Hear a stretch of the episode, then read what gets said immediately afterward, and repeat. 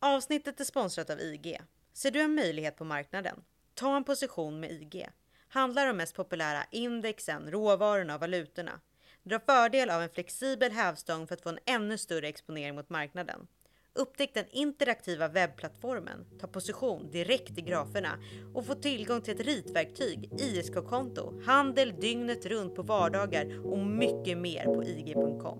Eller ladda ner IG-appen. Öppna ett konto idag, men kom ihåg att all handel med finansiella instrument är förenat med risk.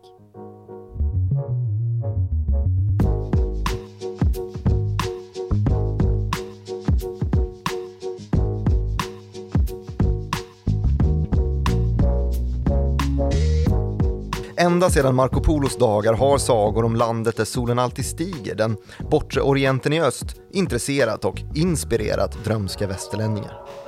Ibland lite för mycket, vilket lett till stora omvälvande konflikter och blodiga krig i den region som blivit vår absolut största tillväxtmotor. Trots det, eller kanske just på grund av, mytologiseringen av bortre Asien har vi svårt att förstå tankesätt och utveckling i den här fragmenterade regionen. Därför är det dags för Follow the Money som ju är en podcast om makt, storfinans och börsen av med mig, programledare Martin Nilsson och utrikesredaktören Joakim Rönning att ta avstamp för den här efterlängtade sommarserien som inleds här och nu och då ta sikte på att gå på djupet om historien, makten och storfinansen i detta Asien. Vi uppmanar alla att spetsa öronen och tillåta sig bli en västerländsk markopolisk drömmare i fyra avsnitt, för nu ska vi prata om draken Kina, om det ständigt imperiedrömmande Japan, om balansbrädan däremellan i det delade Korea och hur konfliktytor blivit permanentade in till moderna tiders handelsbord efter århundraden av schismer och påminnelser av blodiga övergrepp. Det blir en resa längs sidenvägar till lands och till sjöss med och mot kommunister med machete i hand under Indokinas krigshärjade djungeltak och ut i superapparnas cyberrymd i Indonesien, Malaysia och Vietnam. Och vi ska såklart också prata om Sydostasiens tigerekonomierna, Taiwan, Singapore och Hongkong. I det här tredje avsnittet tar vi nu i tur med den blodigaste perioden i regionens moderna tid och för första gången vill vi varna känsliga lyssnare. Och det är inte bara de japanska generalernas fel, utan också män som Ho Chi Minh, Robert McNamara och Pol Pot är högst bidragande till. Jocke Rönning, det känns som att det här kan bli eh, ett långt avsnitt, eller hur? Det hoppas vi väl. nu ska vi börja redan 1929. alltså det ska vi göra. Ja. Mm. Svarta torsdagen, vad, kan du, vad har du på svarta torsdagen? Ja, en tuff nedgång på börsen där på Wall Street. Ja, eh, det var ju det som satte igång den finanskris som kom att bli en ödesdiger depression i framförallt USA och Europa ju, som många har eh, tillskrivit som bakgrundsskäl till att vi fick ett andra världskrig. Mm. Och det här är ju en händelse som inte bara drabbade USA och Europa utan naturligtvis också välutvecklade nationer i den här delen av världen som vi rör oss i nu, mm. alltså Japan till exempel. Och när det inte går att handla på grund av depression och eh, finanskris, vad gör man då? Krigar. Som ju Japan, som ett land med mycket folk, mycket befolkning och inte så mycket råvaror har känt sig nödgade att göra då. Och då har man framförallt oftast tagit sikte på en region som ju heter Manchuriet Mm -hmm. hur, hur ser, om vi nu tar det lite lugnt och mm. målar upp eh, mm. imperiets kartbild, hur ser det ut i världen? Ja, det är ju då um, precis här innan kriget bryter ut så, så har ju just um, Japan då fått upp ögonen för sin omvärld ordentligt. Och där nu, i början på andra världskriget så, så inleds ju alltihop i, um, i Europa ju. Och tyskarna far fram som yrvindar i både öst och väst och mm. lägger kolonialmakter såsom Nederländerna och Frankrike under sig och det är ju länder som har väldigt mycket att säga till om i just Sydostasien.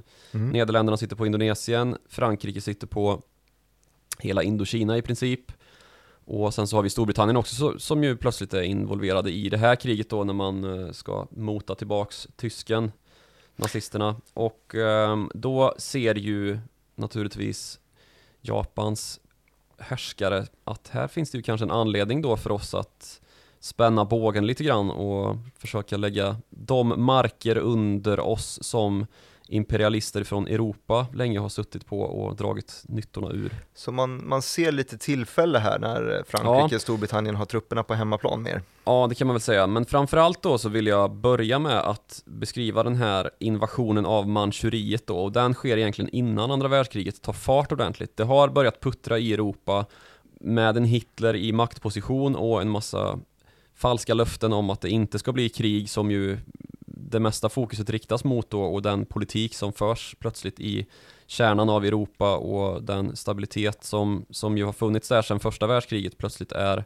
ifrågasatt mm. så, så börjar den japanska expansionismen ordentligt i, i början på 30-talet när man då lägger under sig Manchuriet och det är en region som ligger norr om Koreahalvön en väldigt bördig och eh, resursrik region som Japan och eh, närliggande också ju Ryssland har haft ögonen på väldigt länge. Um, det, var ju ett av inslagen i det japansk-ryska kriget som vi pratade om i tidigare avsnitt.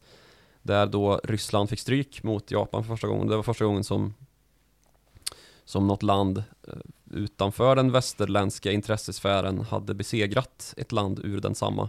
Mm. Uh, och det här ledde ju i sin tur då till att det blev ett strå för tungt att bära för Nikolaj den andre, tsaren i, eh, i Ryssland och att det blev en Sovjetrepublik därefter då med Lenins bolsjevikrevolution och den ska vi prata mer om lite senare. Och ett litet eh, stärkt självförtroende för, för japanerna också kan man tänka sig. Ja, precis.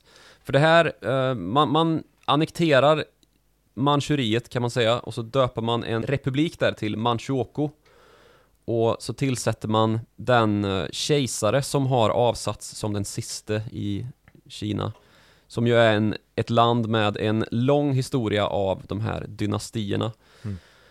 som då har ja, haft sina uppgångar och fall om vartannat där då det har blivit lite det här förvärva, ärva, fördärva dynamiken som vi även ser i företagssfärer.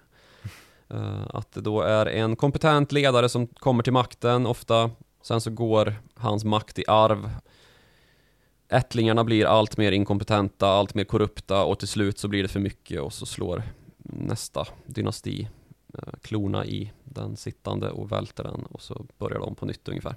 Ja, det här fungerar också för, för länder också såklart ja. Ja, eh, så, så den sista kejsaren då som, som välts av uh, tronen 1906, han kommer då alltså att bli ledaren för den här ledbandsrepubliken där Manchukuo som, som då Japan egentligen är den som styr. Men det stannar ju inte där då för, för Japan som ju ser ett intresse av att fortsätta sin expansion som sagt.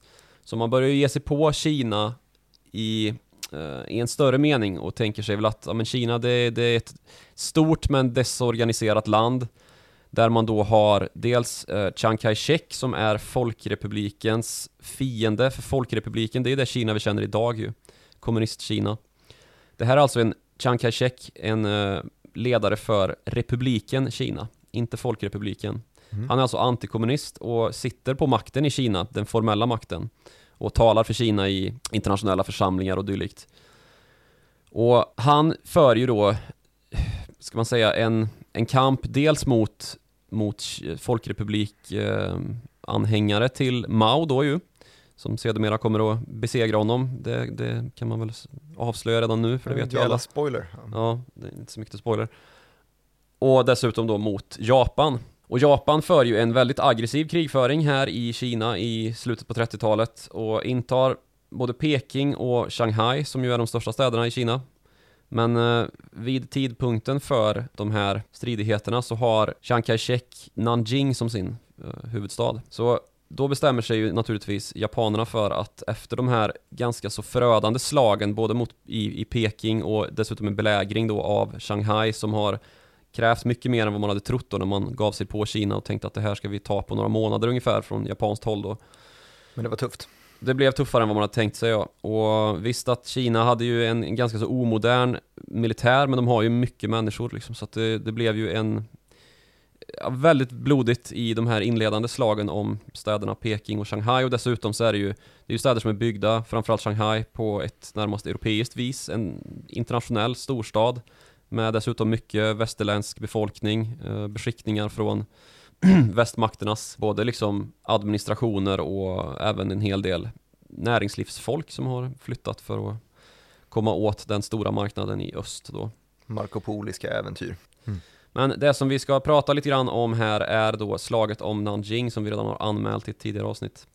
För det är då ett av de största krigsbrott som någonsin har begåtts.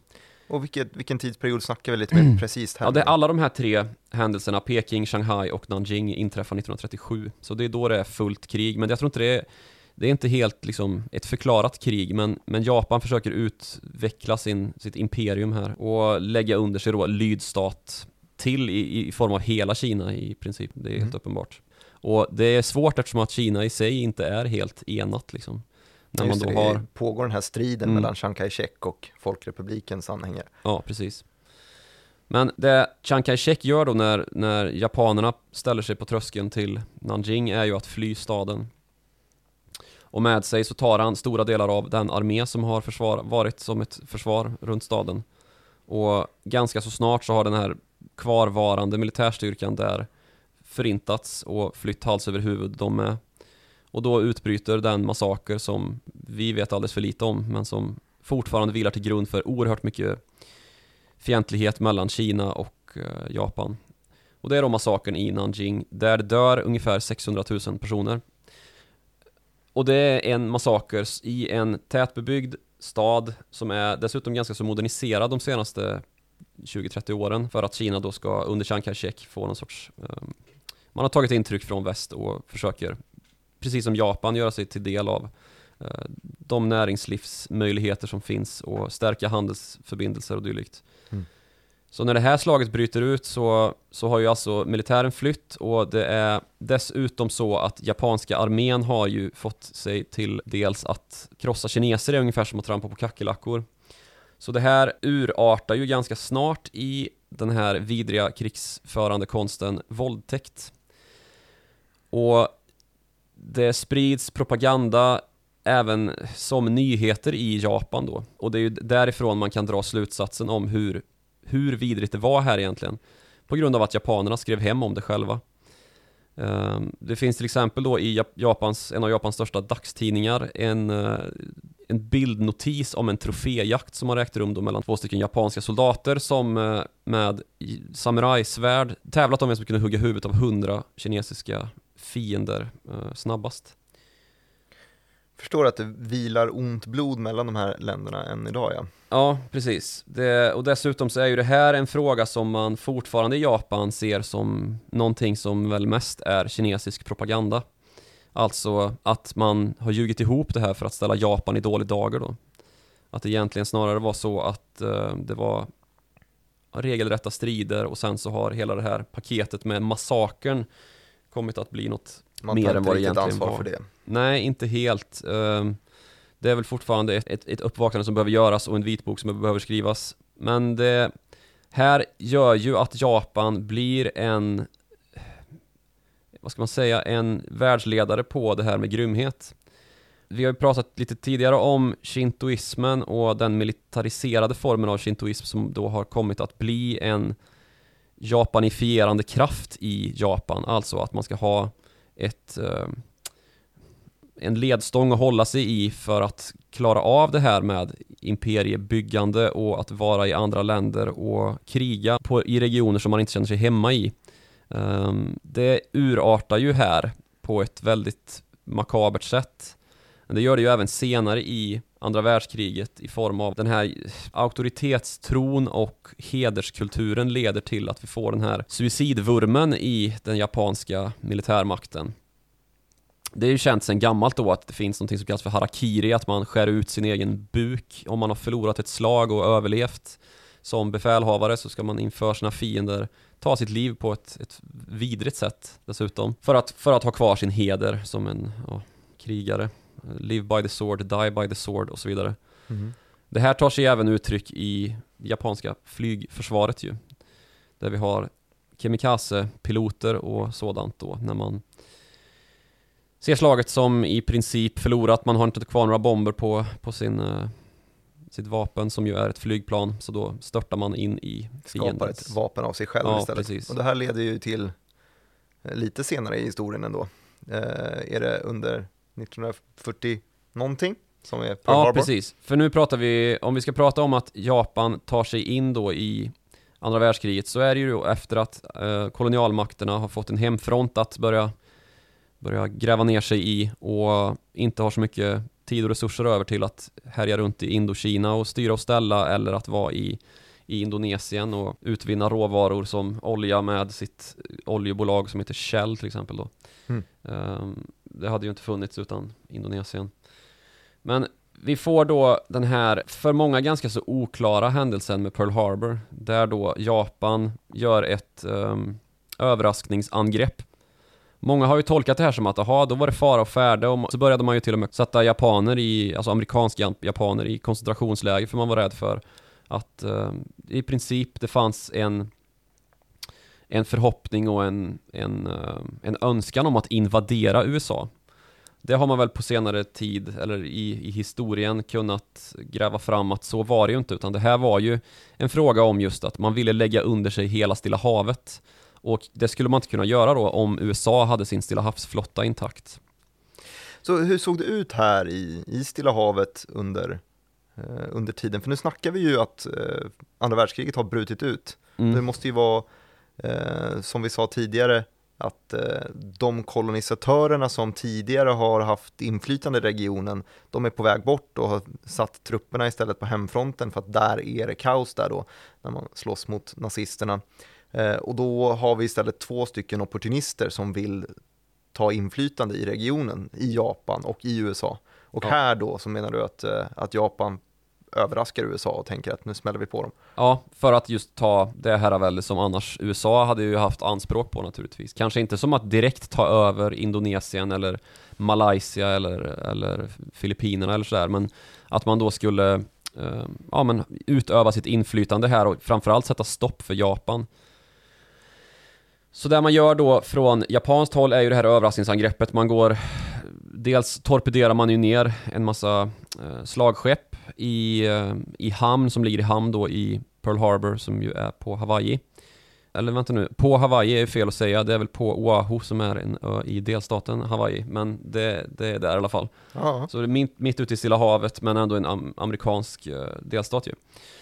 Och här ligger då stora delar av Stilla havsflottan eh, förlagd. Mm. Man lyckas ju hyfsat liksom. Ehm, man kanske borde ha smält på någon extra, extra gång för att liksom ordentligt eh, skada. För en person som vi redan har nämnt i tidigare avsnitt som en liten upptrappning är ju Amiral Yamamoto. Mhm. Och här tycker jag vi kan börja prata lite grann om agentism. För han är då en japansk amiral som har utbildning från USA.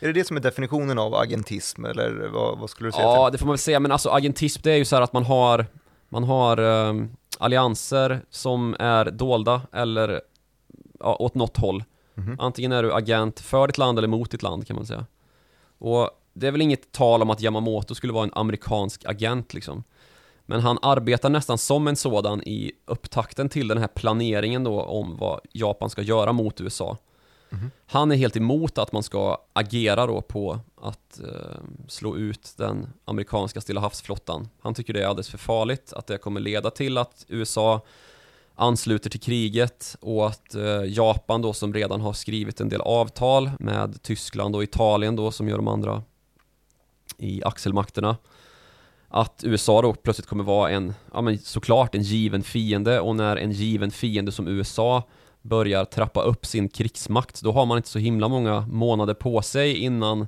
det börjar blåsa rätt snålt kring eh, den egna militärmakten och det är ju precis det här som händer då. Och det här du menar att man kanske borde tagit i lite mer i så fall, om man ändå skulle Ja, in där och veva. Precis. Så det här blir ju upptakten i sin tur då till att USA går till motanfall och Yamamoto visar sig få ganska rätt för han har då sagt till det här krigsrådet innan han till slut går med på att okej, vi gör det. Att vi kommer nog ha sex månader och kunna härja ganska ordentligt. Men sen kommer ju USA komma tillbaks när de har ställt om sin ekonomi till en krigsekonomi och producerar militärfordon och korvetter, alltså inte bilmärket utan båttypen som används för att föra krig med. Istället för vanliga båtar så kommer ju USA att köra över alla i hela alla, alla världens länder om man så vill. Mm. Och det får han ju väldigt rätt i. Då ungefär ett halvår senare så utbryter då slaget vid Midway som är ett av de största sjöslagen och det mest, absolut det mest avgörande sjöslaget i andra världskriget. Och det är då ett slag där USA eh, lyckas betvinga Japan. Och därefter så, så är det ju ja, tack och godnatt egentligen för Japan som, som krymper sitt, sin intressesfär allt mer och alla känner ju till de här slagen, vi har Guadalcanal och vi har Saipan och vi har Iwo Jima och Okinawa så Rabbla upp så... ett par riktigt bra filmer där tror jag. Ja, det är ett gäng bra filmer som utspelar sig kring de här öarna. Mm, just det. Du, du var inne på agentismen. Mm. Eh, jag förstod väl en del av Yamamoto just att, eh, eller agentismdelen av det, men har vi fler personer? Det lät som att du ville utveckla det. Kul att du frågar. Ja, det har vi såklart. Alla i den här soppan är ju egentligen så att man kan börja blanda in lite agentism i det hela. För Chiang Kai-shek som vi redan har nämnt då, som är republiken Kinas ledare. Ja. Han är utbildad i Japan han. Hmm. Så där tänkte ju Japan att här har vi en bra kille som vi kan skicka hem och så kan han ge oss Kina i ledband. Men det var ändå det han inte. som man jagade ända till eh, Nanjing. Ja, precis. Eh, eller bortom Nanjing till och med. Mm. Men han viker sig inte då, men det slutar ju för hans del, som vi också väl har sagt i något tidigare avsnitt, att han hamnar ju i Taiwan och upprättar republiken Kina där, som ju fortfarande finns kvar. Mm.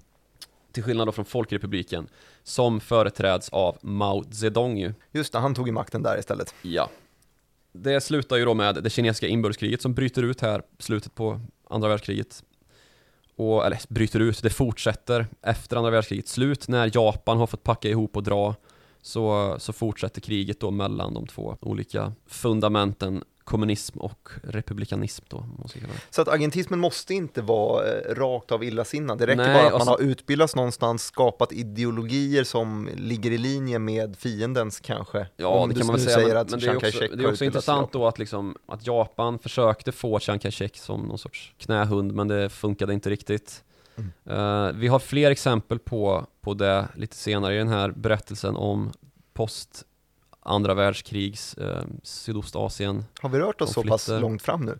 Att vi är post? Ja, det börjar vi väl bli och nu är det väl kanske dags att börja välkomna två andra herrar in i den här leken som också man ska prata om inom termerna av agentism egentligen tycker jag. Mhm. För här gör ju Ho Chi Minh inträde i historien. Och vem är? Ho Chi Minh är då han som kommer att bli först och främst Nordvietnams ledare i det som sedermera kommer urarta i de indokinesiska krigen. Och Ho Chi Minh då är en bondpojk som växer upp i centrala norra Vietnam. Men han är en man som kommer bli av världen, om man så säger. Han mönstrar på en sån här ångbåt i franska Indokina och så reser han hela världen, liksom lägger hela världen under sina fötter ungefär. Först då i Paris och därefter vara både i eh, London och i New York och innan han till slut hamnar i, i Moskva. Men vi börjar med hans eh, liksom persona när han, när han är i Paris då och börjar ta till sig av den kultur som finns i Europa. Och först och främst så börjar han ju hata kolonialismen. Han pratar ju perfekt franska och är ju i princip liksom eh, att betrakta som halvfransk eftersom att Indokina ju är under fransk ockupation. Men han, han blir ju väldigt färgad av den, de kommunistiska tendenser som, som finns här under mellankrigstiden. Han anländer redan under första världskriget och är faktiskt med som en eh, som journalist när man förhandlar om, om Versailles-fördraget eh, då, det som avslutar första världskriget och som sedermera väl har eh, anklagats av tyskarna för att ha lett till hyperinflation och för att man fick så stora krigsskadestånd på sig av de vinnande makterna då att Skuldberget gjorde att man enda, endast kunde lösa det genom att trycka ja, pengar. Precis, Mm. och det i sin tur då ledde fram till att, att eh, en Adolf Hitler, en nazist, kunde ta podiet i riksdagen i Berlin. Den gubben kan vi mycket om. Men Ja, fortsätt med. Ho Chi Minh. Ja, Ho Chi Minh, han är då som sagt en journalist i, i Frankrike först och främst.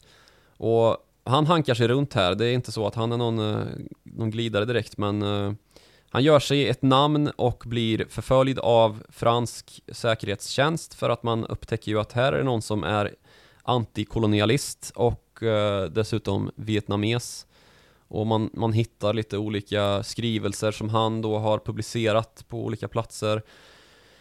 Men han rymmer ständigt och är som sagt i både New York och i, i London och får ju se det förtryck som, som invandrare utsätts för där, inte minst av asiatiskt ursprung då. Och han hävdar att vi måste slå oss fria. Och han när drömmar om att få hjälp då av andra världsmakter som till exempel antikoloniala USA ju är på den här tiden. USA har inga kolonier. Många problem i övrigt med deras liksom internationella moraliska ståndpunkter senare i historien, men på den här tiden så är man inte kolonialister i alla fall. Men han misslyckas ju och till slut så blir det hans sista tillflyktsort då när franska säkerhetstjänsten knappar in på honom att fly till Moskva. Där ju Lenin har tagit makten med sin bolsjevikrevolution. Mm. Han är väldigt imponerad av de idéer som, som eh, föds här med liksom anammandet av Karl Marx Das Kapital och det är ju i de här trakterna som han har rört sig ju i Europa och de intellektuella kretsarna i, i Paris och runt omkring. Så det är ju inte så konstigt egentligen att han, att han är attraherad av det här och dessutom då försöker se vad det kan göra med anti, den antikoloniala strävan som han står för då att ja, fundamentet är ju att man ska, man ska krossa alla nationalstater och istället upprätta Sovjetrepubliker ju. Som, som alla då har en och samma ska man säga, målsättning då, att folken ska befrias. Mm. Uh, han blir då en väldigt viktig person i det som kommer att kallas för Komintern. Och det är då det kommunistiska internationella förbundet, eller man ska säga, som, som då ska verka för att man ska just kavla ut socialismen över världen. Knyta samman olika kommunistiska ja, stater. precis. Mm. Så han blir ju också då en medgrundare till eh, det fransk-indokinesiska första kommunistpartiet. Mm. Och han slår sig ner i Kina för då att han tänker sig börja etablera en rörelse som då ska flytta ner i, i franska Indokina. Här grips han av nämnde Chiang Kai-shek som ju är antikommunist, sitter i fängelse i ett och ett halvt år. Men sen så börjar han då med hjälp av Mao faktiskt kunna röra sig neråt då mot Nordvietnam och där upprättar han då Viet Minh, den rörelse som kommer att bli det som ska kriga bort både fransmän och amerikaner och kineser. Hmm. Så där har vi också en man som går att kalla för en faktisk Sovjetagent ju. Han, eh, han åkte dit som en utsänd av Komintern. En organisation som, som styrdes av sovjetiska kommunistpartiet. Med... Åker tillbaks till, till hemlandet och eh, ska försöka ja. implementera de här idéerna då. Ja, och 1940 då när Frankrike har fått stryk av, av Tyskland och blivit ockuperade själva, då eh, skrider han till verket och går in i den nordvietnamesiska djungeln och ja, börjar förberedelserna för att kasta ut de franska ska man säga, marionettregimen som, som styr i Vietnam. Som är starkt försvagad också som vi snackade om tidigare. Ja, men det, det är ju ett, ett, ett land som då Frankrike inte har besittning över, men som, som är i sin tur då en lydstat åt Frankrike. Men det väl ju inte eh, Ho Chi Minh att det ska vara så. Mm. Så han ser ju till att först förpassa då de här administrativa franska lydstatadministrationen då till Saigon i Sydvietnam. Så här upprättas ju två olika länder då, Sydvietnam och Nordvietnam. Och det är ju de två som sen kommer kriga långt och länge. Och Sydvietnam får ju initialt då stöd av Frankrike då och naturligtvis USA. För här har vi också någonting som vi börjar behöver nämna och det är ju den här kommunistskräcken som ju sprider sig i hela västsamfundet men framförallt via USA då. Efter att andra världskriget har fått sin slut. Ja, precis. För då har vi ju då det här inbördeskriget i Kina mellan Folkrepubliken och Republiken. Mm. Eller jag vet inte om Folkrepubliken egentligen är utropad innan Mao Zedong har vunnit, men det är ju där det landar i alla fall till slut. Men det första liksom eh, stora agerandet som USA står för är ju i Korea. När man anser då att Kina hjälpta styrkor i Nordkorea börjar intervenera i syd. Eller det är väl ganska uppenbart att man gör det, man försöker ju lägga under sig hela Koreahalvön. Och då kommer ju USA till undsättning söderifrån. Ganska stärkta efter... Ja, väldigt stärkta. Man har ju flaggan på, på topp verkligen vad det gäller krigsmoral och till skillnad då från Japan och som har haft sitt med massakrer att göra mm. Så har ju inte andra världskriget varit någon dans på rosor för någon involverad naturligtvis. Det har begåtts krigs, brott på båda sidor. Men USA har i alla fall vunnit kriget med slagord som att det ska vara frihet liksom, för världens länder och man ska inte ha tyranner som styr, som, som nu till exempel då eh, Sovjet har fått i form av Stalin.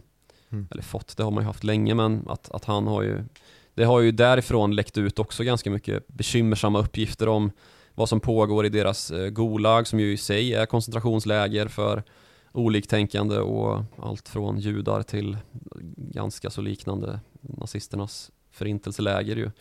Hur är läget där i, i Korea då? Hur, eh, hur kan man snabbberätta det kriget? Ja men snabbberätta kan man väl göra att det slutar ju med den här delningen av Korea. Först så böljar striderna fram och tillbaka, det blir en eh, först då nordkoreansk invasion söderut där det då, ungefär som i Vietnam, sitter då kommunister i norr och eh, republikaner i syd. Mm. Och de här kommunisterna i norr anser ju att det här är ju en, en marionettregim för USAs räkning. Medan USA då hävdar att det där i norr är ju en marionettregim för Kinas räkning. Och Sovjets räkning då naturligtvis. Och det här vet vi ju hur, det- hur det slutar på den breddgraden. Ja, Någonstans där. tror det. Drar man ett streck och säger norr i norr, söder i söder. Ja, precis. Och aldrig möts de två. Eh, Mm. I alla fall inte förrän, eh, ja, vad var det? 2018. Ja, just det. när kriget till slut tog slut. Ja, fast gjorde det det då? Jo, men eh, då skrev man ju faktiskt under. Det var ju en vapenvila där som väl nedtecknades någon gång på 50-talet. Som ju gjorde slut på, på stridigheterna mellan Nord och Sydkorea. Men sen så har man ju varit liksom i, officiellt i krig fortfarande. Eh, Sen så har det inte varit så mycket mer än lite skottväxling över några eh, någon packad soldat som har råkat skjuta. Ja. Men eh, under Kim Jong-Un och eh, vad hette han? Sydkoreas Det vet alltid något med Moon. Mm, just det. Um, Moon Jae-in ju, så skrev man under eh, fredsavtalet för att avsluta Koreakriget. Men de håller ju fortfarande på att hetsa lite fram och tillbaka, Ja, får man ju minst ju säga. bestå. Eh, så, Men, något. ja, jag kör. Men varför känner sig USA så himla taggade på att eh, kliva in i Korea? Eh, ja men det är ju det här med att man då har upprättat någon sorts teori kring vad det är som kommer hända med världen när man har då, som vi pratade om, den här Komintern-organisationen till exempel och öppna liksom kort från, från eh, östhåll, alltså Sovjet då, om att världskommunismen kommer liksom. Mm. Och då upprättas någonting som man kallar för dominoteorin som en del av den här kommunistskräcken då som ju är oerhört präglande för hela det amerikanska samhället här på 50-talet och framåt. Om vi låter kommunismen ta grepp om det här landet, då Ja, kommer precis. övriga följa efter. Låter vi, låter vi dem ta Korea så kommer Japan falla kort efter det. Faller Japan så faller Filippinerna. Då har vi snart kommunism nere i Indonesien. Mm. Och då kommer snart också Nya Zeeland och Australien vara röda länder liksom. Så det är så tankegången går och det är därför man intervenerar. Både i Korea och senare då i, i Vietnam. Är det dags för oss att komma dit? Ja, kanske. Um, Ho Chi Minh har vi ju redan avhandlat. Men Vietnamkriget är ju någonting som kommer få den här moraliska ståndpunkten, den här höga moralisk, moraliska fanan som USA bär med sig här in i först Korea då, och sedermera in i, i det andra indokinesiska kriget att falla ner på halvstång ungefär. Mhm. För om vi ska börja då den här Vietnamsoppan så um, får man ju gå tillbaks då till efter andra världskriget när Frankrike fortfarande är någon sorts kolonialmakt eller att man har en, en lydstat där. Mm. Eh, som då skickas iväg från nord när Ho Chi Minh upprättar sin, sin egen lilla Viet Minh-liga. ja, kommunistnation där uppe. Och då ska man veta också då att visst, han fick lite stöd från Mao där i, i början för att kunna resa in i Vietnam och upprätta den här um, och Viet Minh-organisationen. Men han är ju först och främst en Sovjetkommunist, alltså leninist. Jo men för det här är ju spännande, för det här, den här frågan ställde jag till en, eh, en förvaltare som jag intervjuade för ett tag sedan, ehm, som då just investerar i Vietnam och jag ställde frågan skillnaden mellan Kina och Vietnam. Är, Mm. är, det, är de polare, kommunister, kommunister? Och han sa eh, nej, det, det ser väldigt annorlunda ut och man har gått väldigt olika vägar, även om det i någon mån grundar sig i samma ideologi så är det ju Eh, som du nämner här nu, alltså eh, en Lenin-grundad kommunism Mm. och en Mao-grundad kommunism och de ser inte helt lika ut, de är Nej, absolut precis. inte bästa kompisar. Precis. Men här, här då så får ju, alltså Frankrike är ju med om att först då jaga ut japanerna efter andra världskriget. Och det får man delvis hjälp av kineserna med. Mhm. Så när japanerna är, har lämnat så står ju slaget mellan då eh, de här nyupp, den här nyupprättade nordvietnamesiska nationen som vill vara självständig. Vi har kineser som också har anspråk på Nordvietnam Mhm. och vi har fransmän som också har anspråk på Nordvietnam. Har vi eh, något Sovjetinblandning här i och med att eh, Ho Chi Minh hade Ja precis, Intercom? Sovjetinblandningen är ju Ho Chi Minh men först och främst så är inblandningen mot Ho Chi Minh på tal om agentism, CIA, som ju hjälper Ho Chi Minh i, i eh, skogen, i djungeln i Nordvietnam att eh, ja, driva ut först japaner och sen föra krig då mot icke-allierade Kina. Vilken jävla soppa det Ja, här det är är en riktig sörjare. Så Ho Chi Minh är ju dess, inte bara en, en kominternagent från Sovjet utan också stödd av CIA, USAs eh, underrättelsetjänst. Mhm. Så det är spännande det här. Ehm, och vad det lider då så, så fattar ju Ho Chi Minh det geniala beslutet att eh, lägga allt fokus på att få bort Kina. Och det lyckas han med ganska så framgångsrikt då med hjälp av lite olika andra konsulter i den här konflikten. Men till slut så är Kina så pass trötta på den här det här kriget som, som pågår i Vietnam att man tänker varsågod Frankrike, kör. Och Mm. det är precis vad Ho Chi Minh då har förutsett att om vi slår Kina som ju är ett land där man då har bedrivit krig under många herrans år i en region som är ganska närliggande och har väldigt starka infrastruktursystem då ner i Vietnam jämfört med vad Frankrike kanske har som Ho Chi Minh ser det så har ju Frankrike framförallt byggt en massa fängelser i Vietnam snarare än liksom vägar, broar och skolor kanske. Mm. Ett känt citat som han slängde sig med. Så han ser ju på, på den vita mannen från Europa som en alldeles för slö och, vad ska man säga, egocentrisk figur för att klara av den typen av krig som ju Kina har varit så oerhört framgångsrika med.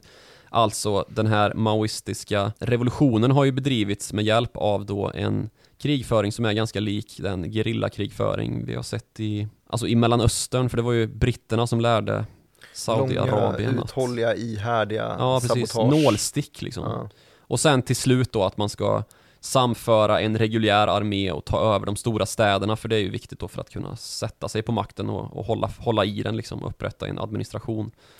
Så, så, så det är ju den här nålstickstekniken som ju Ho Chi Minh, Viet Minh och sen så har vi även i Sydvietnam då också kommunister som kallas för FNL efter fransk ehm, det är en fransk, vad heter det, eh, förkortning för Front National Liberation som ju då alltså blir en, en armé som stöds av många även i Sverige och Stockholm och Göteborg. men som är emot då det koloniala styret. Ja, precis. Det är då antikolonialister. Ehm, och sen så i Nordvietnam så har vi också då alltså Nordvietnamesiska armén och FNL kan också komma att kallas för Vietkong. Mm. Eh, Så vi har Viet Minh, Vietkong, FNL och ja, Nordvietnamesiska armén, så det är mycket, många olika Många namn som här. är arga på Frankrike i alla fall. Ja, det är det ju. Men det är också mycket att blanda ihop, om man säger så. Mm. Men Frankrike, är det en särskilt duglig eh, militärmakt i sig då? Är det det? Nej, det är det ju inte. De har precis eh, fått, fått på näsan i andra världskriget och är inte så sugna på att slåss antar jag. Precis. De har ju lite främlingslegionärer och sånt här som är väldigt aktade i militärhistorien, men överlag så är ju inte Frankrike ett så värst framgångsrikt militärland, det kan man inte säga. Och det vet ju Ho Chi Minh som sagt. Och han kör sin nålstickstaktik då, rebellkrigföring i djungeln med grillor liksom. Små arméenheter som, som skickas ut och skjuter väldigt mycket och precis, men är också borta lika snabbt. Och det slaget som alla bör känna till är då där Frankrike bestämmer sig för att vi är trötta på det här med att bli anfallna på det sättet som jag nyss beskrev då, att fienden dyker upp och försvinner ungefär lika snabbt. Och det, det vållar ihärdiga förluster för Frankrike och det blir allt svårare att försvara på hemmaplan då opinionsmässigt att man skickar franska soldater till långt bort i Sydostasien och dessa soldater kommer i allt mindre utsträckning hem igen. Då bestämmer sig Frankrike för att skriva till verket med en ny taktik och det är då att belägra sig i en plats som heter Dien Bien Phu. Eh, Det är en gryta mellan en massa berg. Och där tänker man att vi belägrar oss här och så väntar vi in ett storskaligt anfall då från, från eh, Vietkong, alltså den befrielserörelse som finns i Vietnam. Mm.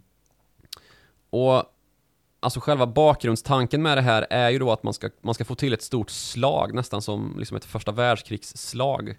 För där har man den eh, Där ser man ju att ja, man har ju den militära makten vad det gäller hur mycket kulor man kan få ut ur en pipa per sekund liksom. Det är så det mäts. Ja men eldkraften är ju mycket starkare än vad, än vad den vietnamesiska är liksom. Mm. Från franskt håll då. Och då tänker man ju också då att, men det här låter ju lite som ett, som ett farligt företag om man tänker sig att eh, lägga sig i en gryta och det finns en massa berg runt om. Ja, men då tänker sig fransmännen att det där kommer aldrig sluta med ett artilleriangrepp från Vietnam då. Dels så har de inte tillräckligt mycket med artilleripjäser och framförallt så har de inte ett motoriserad militärmakt som klarar av att faktiskt frakta upp grejerna på de här bergskammarna då som behövs. Så man borde vara relativt säker där. Ja, så det, det här är ju vattentätt. Var det vattentätt? Nej men sen helt plötsligt då så, så blir det ju ett, ett enormt bombanfall mot den här lilla militärbyn som man har byggt upp här då i Dien Bien Phu. Och ett slag som pågår eh, alldeles för länge för att den franska oppositionen ska, ska stå ut med det. Vadå, så man orkade konka Ja, upp dem? man har ju då under tre månaders tid, ja, under tre månaders tid så har man liksom fraktat upp de här eh, militärmaterialen, alltså de artilleripjäserna på bergskammarna med hjälp av liksom cyklar och för hand liksom. Och jävlar anamma. Unga, ja, och unga som gamla liksom har hjälpts åt och, och plocka upp det här under tre månader. Och det är ju en av de här, ehm, också om man ska se tillbaks på kriget ur amerikansk synvinkel, där det urartade på ett liknande sätt, att man tröttnade till slut på, fick tröttna på det här med eh, gerillakrigföringen. Att man inte tog lärdom av det här, hur oerhört ihärdiga de här eh, nordvietnameserna och FNL och Vietkong var egentligen.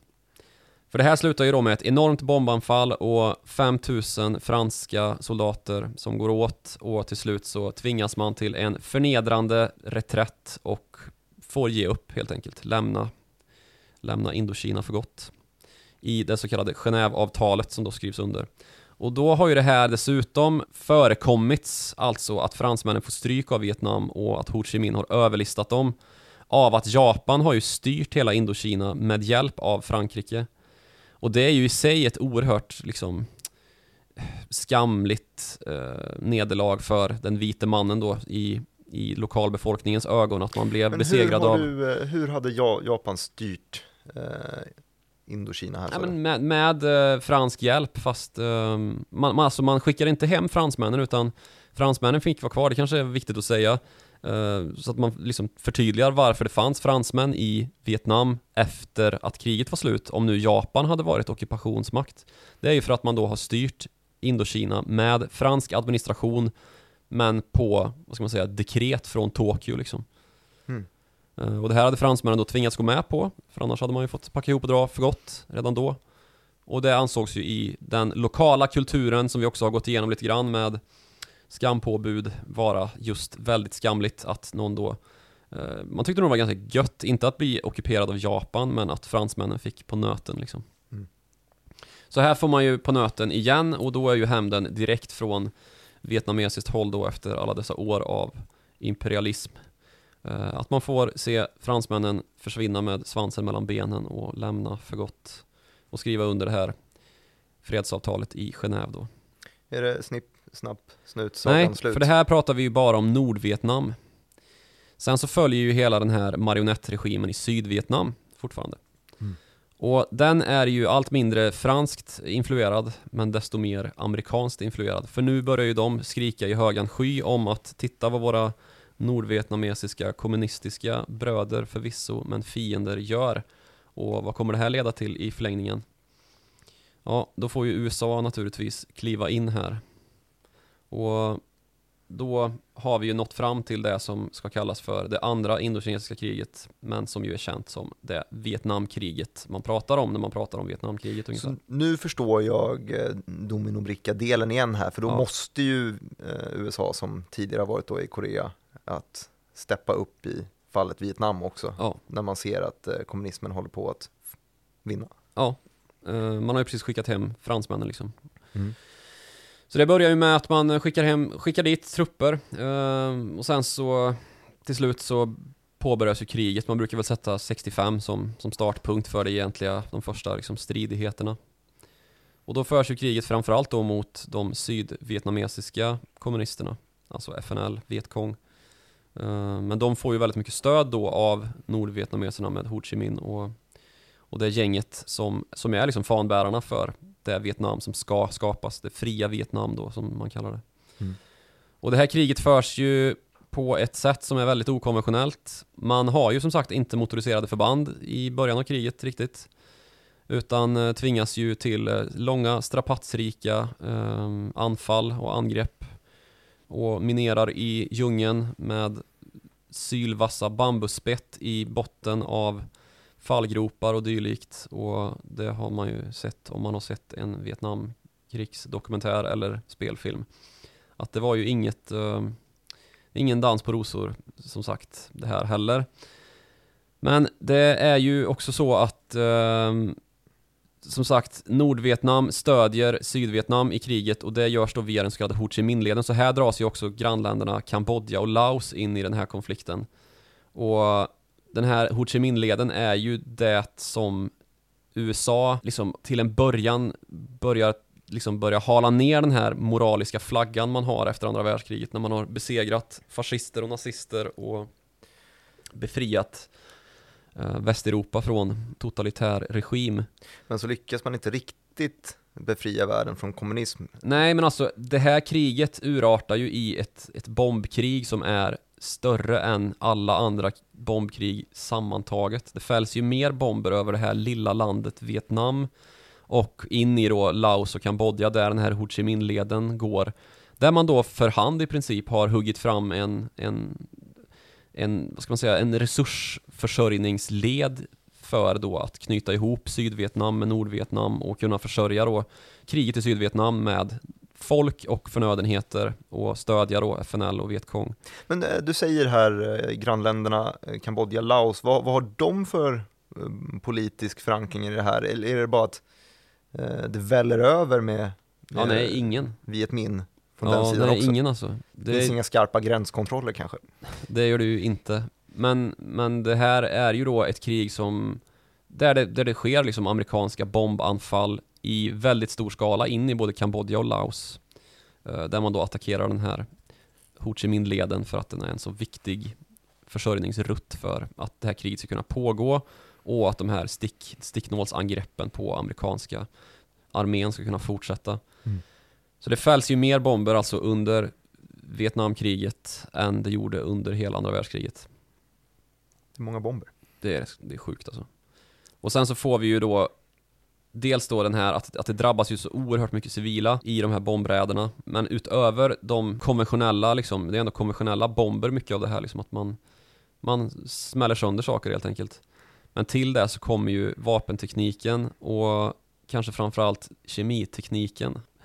Den militariserade kemitekniken ut på banan ordentligt här i modern form Just det, för att man, man är förbannad på att de olika Viet, Viet Minh och Viet Cong kan gömma sig bland, Ja, bland löven. Då Och så tänker vill man sig att då avlövar vi skiten så vi ser dem i alla fall. Och det är ju den så kallade Agent Orange då, som eh, väl på ett recept från Dow eller något. Kul att vi får in lite företag också. Ja. Jag undrade just, det här är alltså Klart avsnitt tre i vår sommarserie och vi börjar äntligen ramla dit. Jag har haft en grej i huvudet när vi ändå pratar bolag. Eh, och det är just vapnen under eh, Mm. Vietnamkriget. Så råkar jag veta att Bofors har ett finger med i spelet. Klart. Den gamla Carl Gustav M45, kulsprutan, eh, den hade tydligen suveräna egenskaper att kunna avfyras snabbt efter att man har varit under vatten med den. Vilket var någonting som amerikanerna gillade, så de, deras Navy Seals kom i vietnamesiska flod, floder. Grodmän. Grodmännen Ja. dök upp med Carl Gustav kulsprutor. Så pass bra var den tydligen att eh, Smith Wesson fick, fick i statligt uppdrag att eh, göra en kopia av den lite senare Ja, faktiskt. Det är inte bara kineser som snor. Nu har vi haft lite. Dow alltså, eh, de som gjorde kemiföretag. Ja. Sen så har vi ju även Napalm och det det är ju känt också. ska man ju också veta vad det är. Ja, Någon form av eh, brandbomb i. ja det är ju gelé som bara brinner och brinner och inte går att släcka. Och här finns det ju också Bell Helicopters till exempel. Ja, just det, det är första gången man använder dem. Ja, för det här är ju det första helikopterkriget, ja precis. Det ser man på alla de här krigsfilmerna. Men det är ju, det, det är ju så här det blir i krigsekonomier, det är ju bara Det är ju någonting man har riktat mot Daimler och Volkswagen och Boss och SS-uniformerna var väl skurna av Boss. Det finns ju liknande utveckling för sådana som har framställt vidrigheter som cyklon B till exempel, som man använder för att eh, förgifta och mörda judar i koncentrationslägren och det tillverkades då av ett bolag som heter IG Farben som nu tror jag har köpts upp av Bayer som ju har sina stämmoanspråksproblem. Det blir ju någonting när ett land går in i nöd så och man får liksom order om att ställa om produktion till kosta det vad det kosta vill ungefär. Och man ser ju då att eh, den här typen av aktier rör ju sig i positiv riktning så fort det blir den typen av oroligheter. Och det är en Ja. speciell typ av oroligheter Och det också. här syns ju väldigt tydligt då om man går tillbaka till Vietnamkriget och vad det gäller typ Dows aktie. Eh, Så om man kollar tillbaka på en kursgraf mellan typ 60 och 70 så ser man att det har varit någonting som har påverkat kursen anmärkningsvärt här. Men eh, det här med sinstocks blir ju ett begrepp här. Då aktier som anses inte vara hållbara ur vissa olika kriterier eller ja, etiskt försvarbara. Och det är väl någonting som eh, vi idag känner som kanske ESG, under, faller under ESG-paraplyet, men det är väl Sinstock Ja, som föds precis. här. Sinstock är ju begreppet som kommer till här ju. Och syndaktier, det är ju aktier som då är för bolag som Jag har för mig att det var så att det, från- det var en, en journalist som i och med att den här opinionen vände så är det mycket folk som är ute och protesterar på gatorna att inte vill stödja Vietnamkriget eh, på något sätt. Och då är det någon journalist som är ute och eh, bygger ett index som de då kallar för eh, om det är Sinstocks man använder eller om man använder det etiskt försvarbara eller moral, moraliskt bra aktier att äga, där man då Mm. helt enkelt har e- exkluderat allting som kan tänkas gynnas av kriget, som du nämner, Dow, Smith Wesson säkert, Bell Helicopters absolut. Ja, sen så har ju det här kommit att bli snarare så att man, ja, man, man kategoriserar väl in vapen, tobak, alkohol, pornografi. Ja, Det är det här vi får, det är kanske därför Vietnamkriget tar långt större plats än vad, ja men typ, du, du nämnde Nanjing tidigare, du nämnde, vi har nämnt Koreakriget också, absolut finns det ju bilder därifrån, men Vietnam var ju verkligen, finns ju mycket mediatäckning i under det kriget. ja, det här är ju det första tv-kriget. eh, Att man då kunde se, man kunde hänga med ut på en patrull, se någon amerikansk pöjk bli skjuten genom skinkan eller någonting, bli intervjuad typ i direktsändning och sen så käka middag Mm. hemma i Wisconsin eller vart man bor. Men eh, ja, som sagt, det här är ju ett, ett väldigt media-omhuldat krig, eller om, omhuldat. Det är ju väldigt mycket reportrar där i alla fall. Och det här är ju också orsaken till den stora vändningen som vi redan varit inne lite grann på då, att man, man får ju börja hala ner sin moraliska höga fana här. Trilla av sin höga moraliska häst. Och vändningen kommer egentligen 1968 eh, när man dels då har Tet-offensiven där Nordvietnam skickar ner soldater till Sydvietnam och så går man till ett storskaligt angrepp då på att ta hela Vietnam, skicka Mm. hem amerikanen för gott. Eh, Det blir ganska misslyckat, men det blir också väldigt, väldigt blodigt. Uh, och det här, anledningen till att Nordvietnam misslyckas är ganska mycket att, att Sydvietnam är mindre dåliga än vad de har varit tidigare. Det här är ju typ franskutbildad militärpersonal, så det säger sig självt. Som inte var så skarpa i strid. Men därefter så börjar ju rapporteringen snarare att handla om amerikanska krigsrättsöverträdelser. Och det finns då bland annat de här händelserna i My Lai som ju är väldigt välkända och där det mördas mellan 300 och 500 eh, civila vietnameser. Från, eh, från amerikanskt håll då helt Ja, enkelt. amerikanska soldater som går in i en by och har fått uppdrag att utplåna en jag tror det är typ den 48 brigaden eller något sånt som den, som den heter, som är väldigt ökänd vietnamesisk, ett vietnamesiskt stridsförband då, som man har som man har haft korn på länge och velat nedkämpa för att de, de har många amerikanska liv på sitt samvete. Mm. Men då är den här informationen felaktig och när man kommer in i byn My Lai som också kallas för Song My men då, då, då är ju de här adrenalinstinna 19-åringarna som var snittåldern för amerikanska soldater i Vietnamkriget så Jäklar. pumpade att de, de eh, ja, slutar med att de skjuter på allt som rör sig. Och det är ju inte soldater utan gamla gubbar och kvinnor och barn. Och den här eh, bilden sprider sig genom sagda Ja, mediateckning. det blir ju en visselblåsarkampanj av det här vad det lider då. För det, det finns ju naturligtvis delar av den här, jag vet inte om det är en pluton som går in här och, och slaktar hela byn. Eh, Men, men det finns ju naturligtvis soldater som vägrar gå med på det här. Liksom, trots hot om att de, de, gör, de gör sig där och då skyldiga till ordervägran och kan skjutas på stående fot ungefär.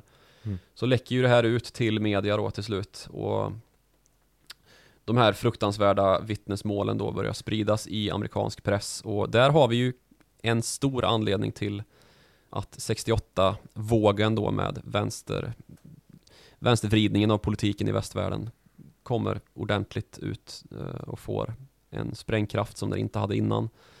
Och Mulai är ju bara ett exempel. Det finns ju oerhört detaljerade, fruktansvärda vittnesskildringar om hur amerikanska soldater har liksom kidnappat vietnamesiska flickor och använt som sexslavar på ett sätt som är precis jämförbart med vad japanerna gjorde med koreanska kvinnor i ja, hela Stilla havet under andra världskriget och som också är en stor anledning till att, att det träts fortfarande där det krävs ut skadestånd från japanskt håll då. Det var alldeles nyligen ju som man Ja, det. jo det här, det här är ju ständigt pågående så att eh, Japan typ tycker att det här har exponerats för mycket nu, då tänker vi inte betala vårt skadestånd som vi har skrivit under på att ja visst det, det hände liksom någonting Mm. eh, diffust med de här eh, tröstekvinnorna som man kallade det. Men nu kommer ju exakt samma, samma uppgifter ut från Vietnam då, att amerikaner beter sig på exakt likadant sätt. Kanske inte lika organiserat från toppen, men, men det är samma liksom ögonbindel på från de styrande som, som man, kan, man kan ju verkligen anklaga den amerikanska militärmakten för att ha begått en massa omoraliska och krigs... Eh, genom att skicka dit 19-åringar till att börja med ja, kanske. precis. Och det är också någonting som man bör ha i bakhuvudet då, att 19-åringar är ju barn nästan. Det, det är ju så nära barnsoldater det går att komma här ju. Och faktum är att USA hade barnsoldater i Vietnam. Inte medvetet, men den yngsta amerikanska soldaten som dog i Vietnam, vet du hur gammal han var? Om du får gissa. 15? 14 var han. 14 var han? Japp. Fan, Och det är då en kille som har tagit värvning Lura systemet att komma dit. Ja men eh, trött på skolan och tänkte nu drar jag och kommer hem med en bröstplatta fylld av medaljer Lagom Mm. tills det är dags att ta körkort typ Och eh, USA hade inte incitament att ha världens striktaste kontroller för att man behövde ju arbetskraften, eller? Ja men alltså det här är också väldigt problematiskt och vi nämnde ju faktiskt eh, Robert McNamara i introt Mhm. Robert McNamara är alltså försvarsminister i USA vid tidpunkten för Vietnamkriget. Han och eh, Lyndon Johnson är ju de som, som liksom driver det här kriget framåt. Det har väl liksom först varit en fråga för, eh, för eh, John F Kennedy fram tills det att han blir Skjuten i huvudet. skjuten i huvudet i Dallas. Av en kommunist för övrigt. Mm, Det var ju intressant säga. Men eh, det här kommer ju då att, att bli ett krig som, som förs av först Lyndon B Johnson och sen då av Richard Nixon. Och under större delen av kriget så är ju Robert McNamara den som, som får föra talan för vad USA gör och, och, och liksom Han är en man av kallt sinne och räkenskaper kan man säga. Men han får lite mer utrymme i och med att, eh, att Kennedy faller av pinn där och Ja, det är eh, tänkbart i alla fall att, att Kennedy kanske hade en annan plan för vad han ville göra i Vietnam. Alltså det fanns ju ett amerikanskt intresse då av att, att kuva kommunistvågen ner från norr. Men kriget drar ju inte igång förrän 65. Visst, amerikanerna har skickat dit lite trupp redan 61 tror jag, men det har ju inte, skärmytslingarna är inte så vådliga under eh, John F Kennedys tid som de, de kommer att bli. Men han är i alla fall en väldigt tydlig med att, att han är väldigt besviken på hur man kunde låta Kina bli kommunistiskt. Alltså John F Kennedy då. Och Robert McNamara är ju en man som verkligen är inne på samma spår. Men han är inne på samma spår i ett, på ett sätt som är just väldigt kalkylerande. Alltså han är en man av eh, siffror och har gjort en karriär innan han blir försvarsminister inom Ford-koncernen där han har Mm. blivit liksom betraktad som ett underbarn vad det gäller det här med siffror och hur man ska lösa problem då genom att kasta pengar på dem i olika potter helt enkelt. Han ser ju på det här kriget på exakt samma sätt att Om det finns så här många invånare i Vietnam så kan man tänka sig att de kommer kunna ha en militärmakt som är så här stor. Då måste vi skicka så här mycket bomber på dem för en bomb dödar 0,2 vietnamesiska soldater. Nu vet jag inte om den multipeln stämmer men det är så han sitter och tänker där på sin kammare i alla fall och det gör honom ju till en vad det lider ganska så oetisk statsman, eller statsman, en det får man väl ändå kalla honom eh, som försvarsminister. Och han kommer ju sedermera att bli hatad, inte bara i eh, Vietnam utan också i USA självt då, för det finns då ett program som kommer gå under öknamnet Robert McNamaras Lads. Eh, och det är då ett projekt där man behöver, just för att täppa igen de här kolumnerna i Robert McNamaras Excel-ark, som ju inte var ett Excel-ark då, men en, en helt vanlig räknesnurra. Mm. Så måste man ha plötsligt 100 000 amerikanska soldater. Och för att täppa igen det då så har man ju naturligtvis luckrat upp de här mönstringslagarna. Man tar in eh, alla som inte har en pappa som är guvernör eller som inte är smart nog att betala sig fria eller hävda att man har hälsporre som Donald Trump. Eller ja, hitta, hitta vägar igenom helt enkelt, vilket ju blir ganska populärt i medel och överklassen. Så har man ju ett ekonomiskt problem med getton och eh, fattigdom. Så det är här man då börjar fiska och luckra upp just mönstringskriterierna för då finns det alltså en, en eh, ett IQ-test där man kan få 1 till 5. Och för att vara tillräckligt skarp så måste du ha betyg 2 till 5 då för att eh, kunna få bli soldat och kunna mönstras in i Vietnamstyrkan. Så när man, när man luckrar upp det här till 1-5 då, då kan ju alla bli soldater. Vilket ju innebär att man plötsligt skickar ner förståndshandikappade personer till Vietnam. Och de här är ju dessutom för, det är ju barn man pratar om. De, är, de har ju inte en förståndsnivå som är högre än en tioåring i vissa fall liksom. Och de klarar inte av att göra administrativa uppgifter, köra saker och vara liksom i bakom fronten som man väl var som det var planen från början. Utan det här blir ju soldater av det här, så det, det dör ju oerhört mycket av de här hundratusen som skickas in, eh, som är då just Inte borde varit där. handikappade. Ja, och det är ju dessutom en stor fara för de amerikanska. De blir ju de blir ökända i den amerikanska med dessutom då för att de, de eh, ja, är som barn och reagerar på kanske plötsliga ljud och plötsligt skjuter omkring sig och så är det en egen man skjuter på till exempel. Så det finns ju en massa orsaker till att USAs moraliska Opinionen vände där. Ja, väldigt hårt också. Och det blir ju färre och färre som tycker att det här kriget ska föras i ett land som ingen vet vart den är på kartan och dessutom under så lång tid som det här tar. Det är väl ganska starka protester i Sverige också? Ja, vi har ju dessutom protester då på, på statlig nivå. Alltså vår statsminister vid tiden går ju ut som en av de allra skarpaste fördömarna av det här. Han jämför ju bombningen av Hanoi eh, 72 kanske? Med Kanske. Treblinka och... Alltså, Det är Olof Palme vi snackar om. ja, det är Olof Palme vi snackar om. Och terrorbombningen av Guernica som ju är nazisternas Luftwaffes bombning av spanska antifascistiska besittningar i eh, Francos, på Francos order. Mm. Så han är ju oerhört skarp och det utbryter ju en diplomatisk härdsmälta här ju. Det är ju inte så glada tongångar mellan, mellan Sverige och USA under ganska lång tid efter det här. Men USA får ju till slut eh, på nöten ordentligt här i Vietnam ju. Nu har jag sagt på nöten alldeles för många gånger i det här avsnittet redan. Säg något annat då. De får stryk. Det lät smart. De förlorar. Ja. Eh, och de får ju ge sig av med, om fransmännen fick ge sig av med svansen mellan benen så är ju det här något ännu mer förnedrande. Mm. För när de amerikanska kvarvarande styrkorna ska lämna Saigon, som ju alltså då är huvudstaden i Sydvietnam, så är ju det i brådrasket minst sagt. Och när man lyfter från, den sista helikoptern lyfter från ambassadsbyggnaden i Saigon, så hänger det ju sydvietnamesiska um, ja, amerikansk konsulterade då som, som De som ju, inte riktigt fick någon biljett Ja, men, nej precis, de fick, de fick inte plats men de borde ju inte vara kvar i Sydvietnam uppenbarligen. Mm. De hänger då alltså från helikopterns paddar, alltså de här railsen som är under helikoptern Mm. på väg därifrån. Så det är ju makabra syner som, som man får eh, kabla ut över världen.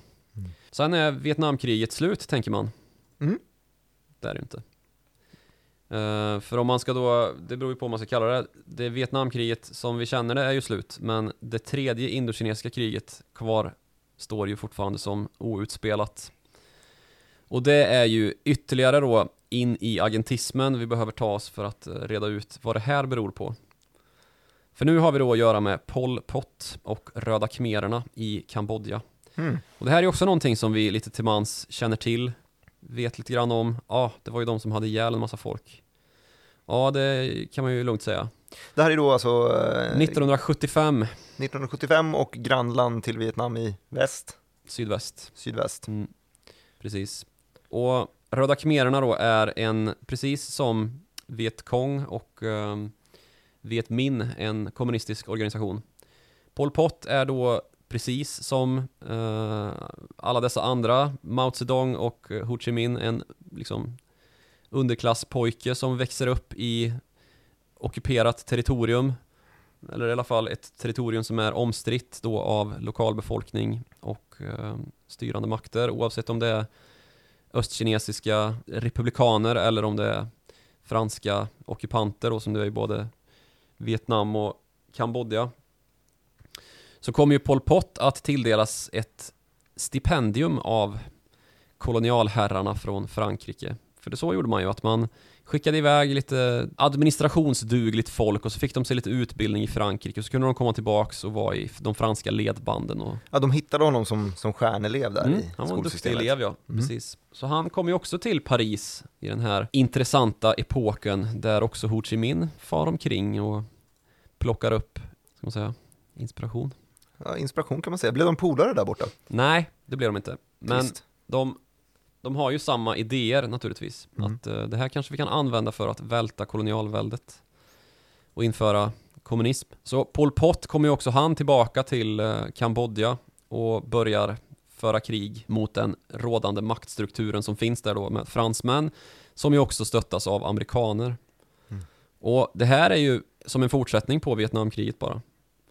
Att här för ju ehm, Röda khmererna då, som ju är en, det är en liten twist på hur man ser på socialismen då, att här ska det vara ett bondeuppror snarare än ett arbetaruppror, för det är ju då Karl Marx idé att man ska vända kapitalverktygen eh, mot kapitalägarna och göra uppror.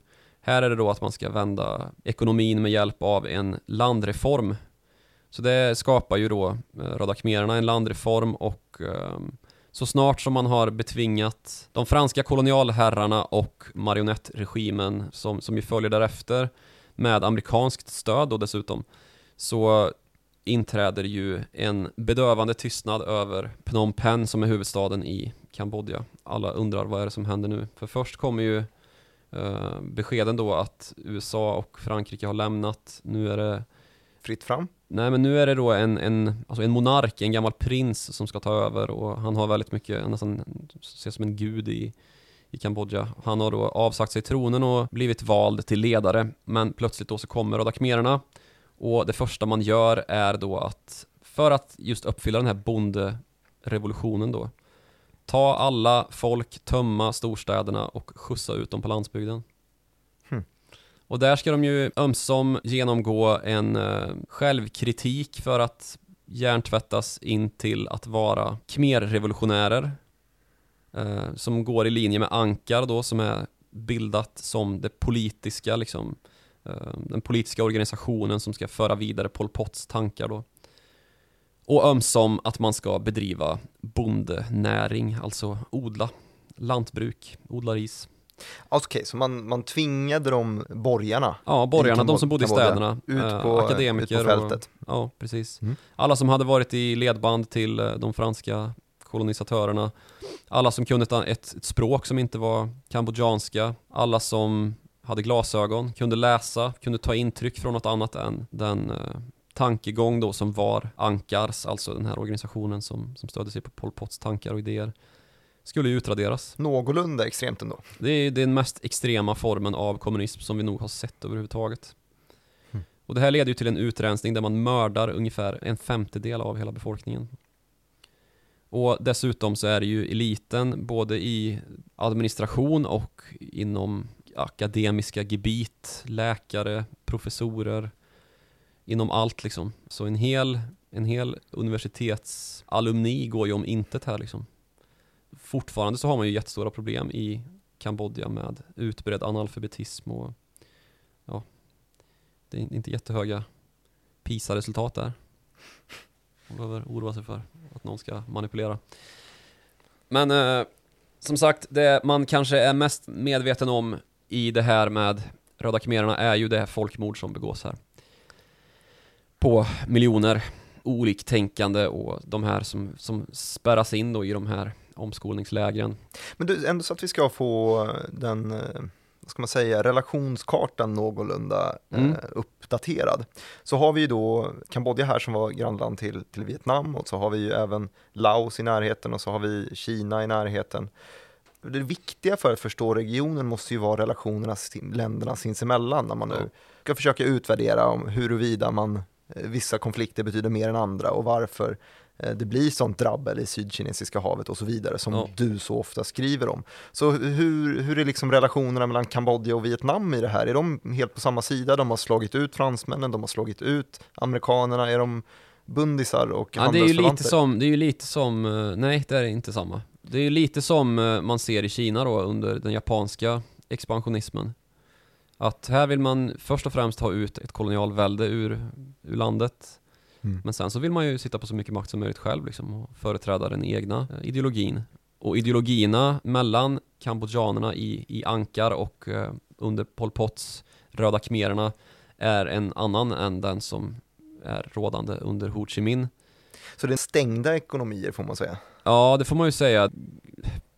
Demokratiska Kampuchea, som ju dessutom då eh, är det rätta namnet på Kambodja under den här tiden, är ju ett helt stängt land det, de enda som, som kommer in ordentligt eh, och får se någonting är ju typ svenska vänsterpartister och socialdemokrater som åker dit och säger att gud vad trevligt och bra att vara här.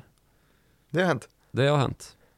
Birgitta Dahl var där till exempel. Eh, Jan Myrdal, Alva Myrdal, den gamla nobelpristagerskans son, åkte dit och han var bundis med en av Pol Pots närmaste män. De åker då in och ska för det, det misstros då något enormt de här rapporterna som kommer från Kampuchea. För det, det hyllas ju det här. Alltså Olof Palme och Fidel Castro skriver ett gemensamt uttalande. Där man, där man hyllar då revolutionen och att, att Röda khmererna har tagit makten i, i Kampuchea. Makabert alltså. Men man, man missar då att Ja men alltså då dog. åker man ju in i, i Kambodja, och, eller Kampuchea som det heter. Och gör sig, tror man, eh, med en uppfattning om att nej men det här är ju bra. Alla på landsbygden tycker ju att Röda khmererna är kanon liksom. Och vi ser inga dödsläger. För det har ju då sådana som har flytt från de här dödens fält och omskolningslägren kunnat berätta om. Folk som har flytt till Thailand då, som ju är en militärjunta eh, som, som står helt fritt från all den här influensen ifrån franska och, och engelsmän. Eh, I alla fall, ska man säga, territoriellt mm de, de kan ju vittna om att det här är ju vad som pågår, i vilken skala det här sker och det finns ju en väldigt känd film som heter Killing Fields just, en amerikansk film som är väldigt rekommenderad, som väl fick hur många Oscar som helst när den kom 84 eller vad det var. Mm. Där är det då en, en uh, flykting som har berättat om, han är en av de få akadem akademiker som, som överlevde. Hur han då har travat över de här dödens fält där man har skickat ut folk i en enorm skala alltså och låtit eh, de här barnen som ju var i centrum för den ideologi som, som Pol Pot tyckte skulle styra då, att man var helt, eh, man inte var påverkad av någonting annat än, än sitt eh, inre väsen som ju var att vara en röd khmer. Mm. Så barnen var ju oerhört utsatta som en del av den här dödsmaskinen och hur man, eh, ja, fick skjuta ihjäl folk på löpande band där och låta dem ligga i massgravar. Så de här fälten finns ju fortfarande idag och är just massgravar. Och det finns ju också det här välkända fängelset S21 i Phnom Penh som ju är väldigt vidrigast av allihop där. Jag tror att överlevnadsration var typ 0,06% från alla som kom in. Man levde i snitt några timmar när man, eller om det var någon Man levde inte så länge när man kom dit. Ett eh, trist öde. Ja, du... det kan man besöka, det är ett museum då. Men hur slutar det här? För det är ju inte Kampuchea idag. Nej, precis. Den här utrensningen sker då mellan 75 och 79. Men eh, om vi ska prata någon sorts ekonomi också så är ju det här någonting som blir helt förödande. Att man tar liksom all den statsförvaltning och infrastruktur som i, i form av människor som kan hantera densamma då och för ut dem på landsbygden där de får bli bönder och lära sig att kommunismen är bra som, den, som Pol Pot berättar den. Det leder ju till en total ekonomisk kollaps i det här landet.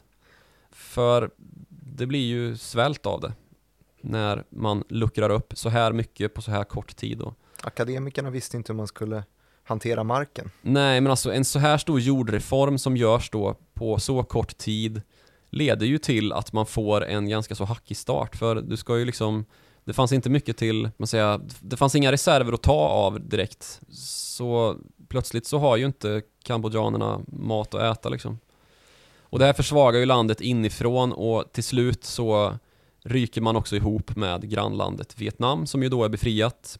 Så då blir det istället att eh, nästan lite parodiskt att det är ju vietnameserna som kommer in här.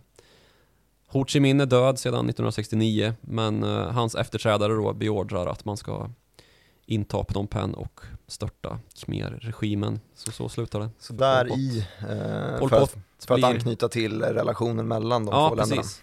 Men det här är ju ett, ett stort liksom, sår i dagens Kambodja. Dels då det här eftermälet det har fått med att man inte har att man har en utbredd analfa- analfabetism, att man har slagit sönder alla liksom, hela sin, väl, sin, sin välfärd som var grundad på någon form av belästhet liksom. Ehm, hela statsförvaltningen låg i ruiner efteråt. Så det är ju det fattigaste landet i regionen uh, jämte Laos då som ju också är djup djungel och svårt att upprätta infrastruktursystem och sådär. Ligger inklämt på ett jävla trist Ja, det gör det. Det finns, finns ju ingen kust där och så. Men det, det här är ju då en... eh, ett land som dessutom inte riktigt har sonat, eller låtit de här Khmer-ledarna sona. Vissa har ju fått göra det kanske, men Pol Pot, han levde ju liksom tills han, tills han dog på naturlig väg och eh, blev aldrig liksom straffad för sitt enorma människorättsbrott att mörda miljoner liksom. Du, vi började ju den här resan någonstans 1929 och det här är avsnitt tre i vår fyrdelade sommarserie. Jag tänker att vi kan väl sluta ungefär där, för där var det ju det, det tredje indokinesiska kriget. Eh, som vi då började 1929 som la grunden till eh, ja, Japans imperialistiska ambitioner än en gång. Eh, som vi bredde ut och vi gick in i agentismen snackade vi mycket om. Vi har nämnt det här nu fyra stycken nyckelpersoner genom hela det här avsnittet. Det har varit Yamamoto som var den här japanska amiralen. Vi har Chiang Kai-shek som eh, inte ville att Kina skulle bli kommunistiskt. Vi hade Ho Chi Minh som ville att Vietnam skulle bli leninistiskt och så Pol Pot här precis i slutet då. Vi har Frankrike som har eh, suttit fast i ett skruvstäd mellan andra världskrigets eh, dystra slut för dem, eller ja, det ordnade väl upp sig, men de fick i alla fall lämna sina kolonialistiska ambitioner innan vi då eh, tog oss till Vietnamkriget och eh, Kambodjakriget och idag så har vi fått en uppmålad karta lite grann i alla fall. Ja, så har vi ändå hoppat över stora delar av Sydostasien. Är det någonting du vill hoppa in i här? Man kanske ska säga ändå att det finns ju en anledning till att, att vi inte har nämnt Indonesien, Filippinerna och som vi sa Thailand också. Men det kan i alla fall vara, eh, om vi skulle dra det till ett, ett investeringssynpunkt så är det ju, nu har du nämnt två stycken av de Ja. kanske starkast lysande stjärnorna här. Kina, absolut, men har ju utvecklats ganska långt. Men det som Mm. har eh, på senare år i alla fall pratats om som starkast lysande stjärnor är Vietnam, är Indonesien. Mm. Eh, som någorlunda investerbara regioner i alla fall. Det kan vi återknyta till i sista avsnittet. Mm. Men eh, Thailand, varför har vi inte nämnt det sa du? Ja men Thailand har vi inte nämnt för att det, det är det enda landet i den här regionen som inte blev koloniserat, som lyckades hålla stången och det gjorde man med en militärjunta och det var ju precis på den linjen som USA gick på när man såg till att Indonesien fick en militärjunta eh, under Sukarno som sen avsattes och blev ersatt av en man som heter Suharto och här har vi också enorma människorättsbrott som har begåtts. Mm. Indonesien hade vid sin tid det tredje största kommunistiska partiet i världen efter Kina och Sovjet. Men det rensades ut då av eh, väldigt, väldigt bryskt av den här militärregimen. Och det ledde ju till att det blev en stabilitet här efter väldigt blodiga konflikter eh, där man lyckades ena de här 30 000 öarna eller vad det är. Mm. En enorm eh, arkipelag ju. Samma sak i Filippinerna ju, där, där man tillsatte, var det led, Där har vi haft både, både japanskt styre tidigt Ja, och så spanskt styre. spanskt och sen blev det ju en amerikansk lydstat under, eh, vad hette han? Marcos och hans skosamlande fru. Finns det många roliga dokumentärer om, hon lever fortfarande. Mm. Eh, Det var ju militärstater och det är därför Filippinerna är så bra på basket. Det finns väldigt mycket basketplaner i, i Filippinerna för att man hade så mycket eh, amerikanska Nu känner jag att vi har gått in hit. på, på outliers vad gäller anekdoter och då är det dags att klicka på stoppknappen i det här avsnittet som jag redan har berättat ungefär vad det har handlat om. Men man får väl avsluta med att säga tack så mycket för att ni har lyssnat om ni orkat göra det.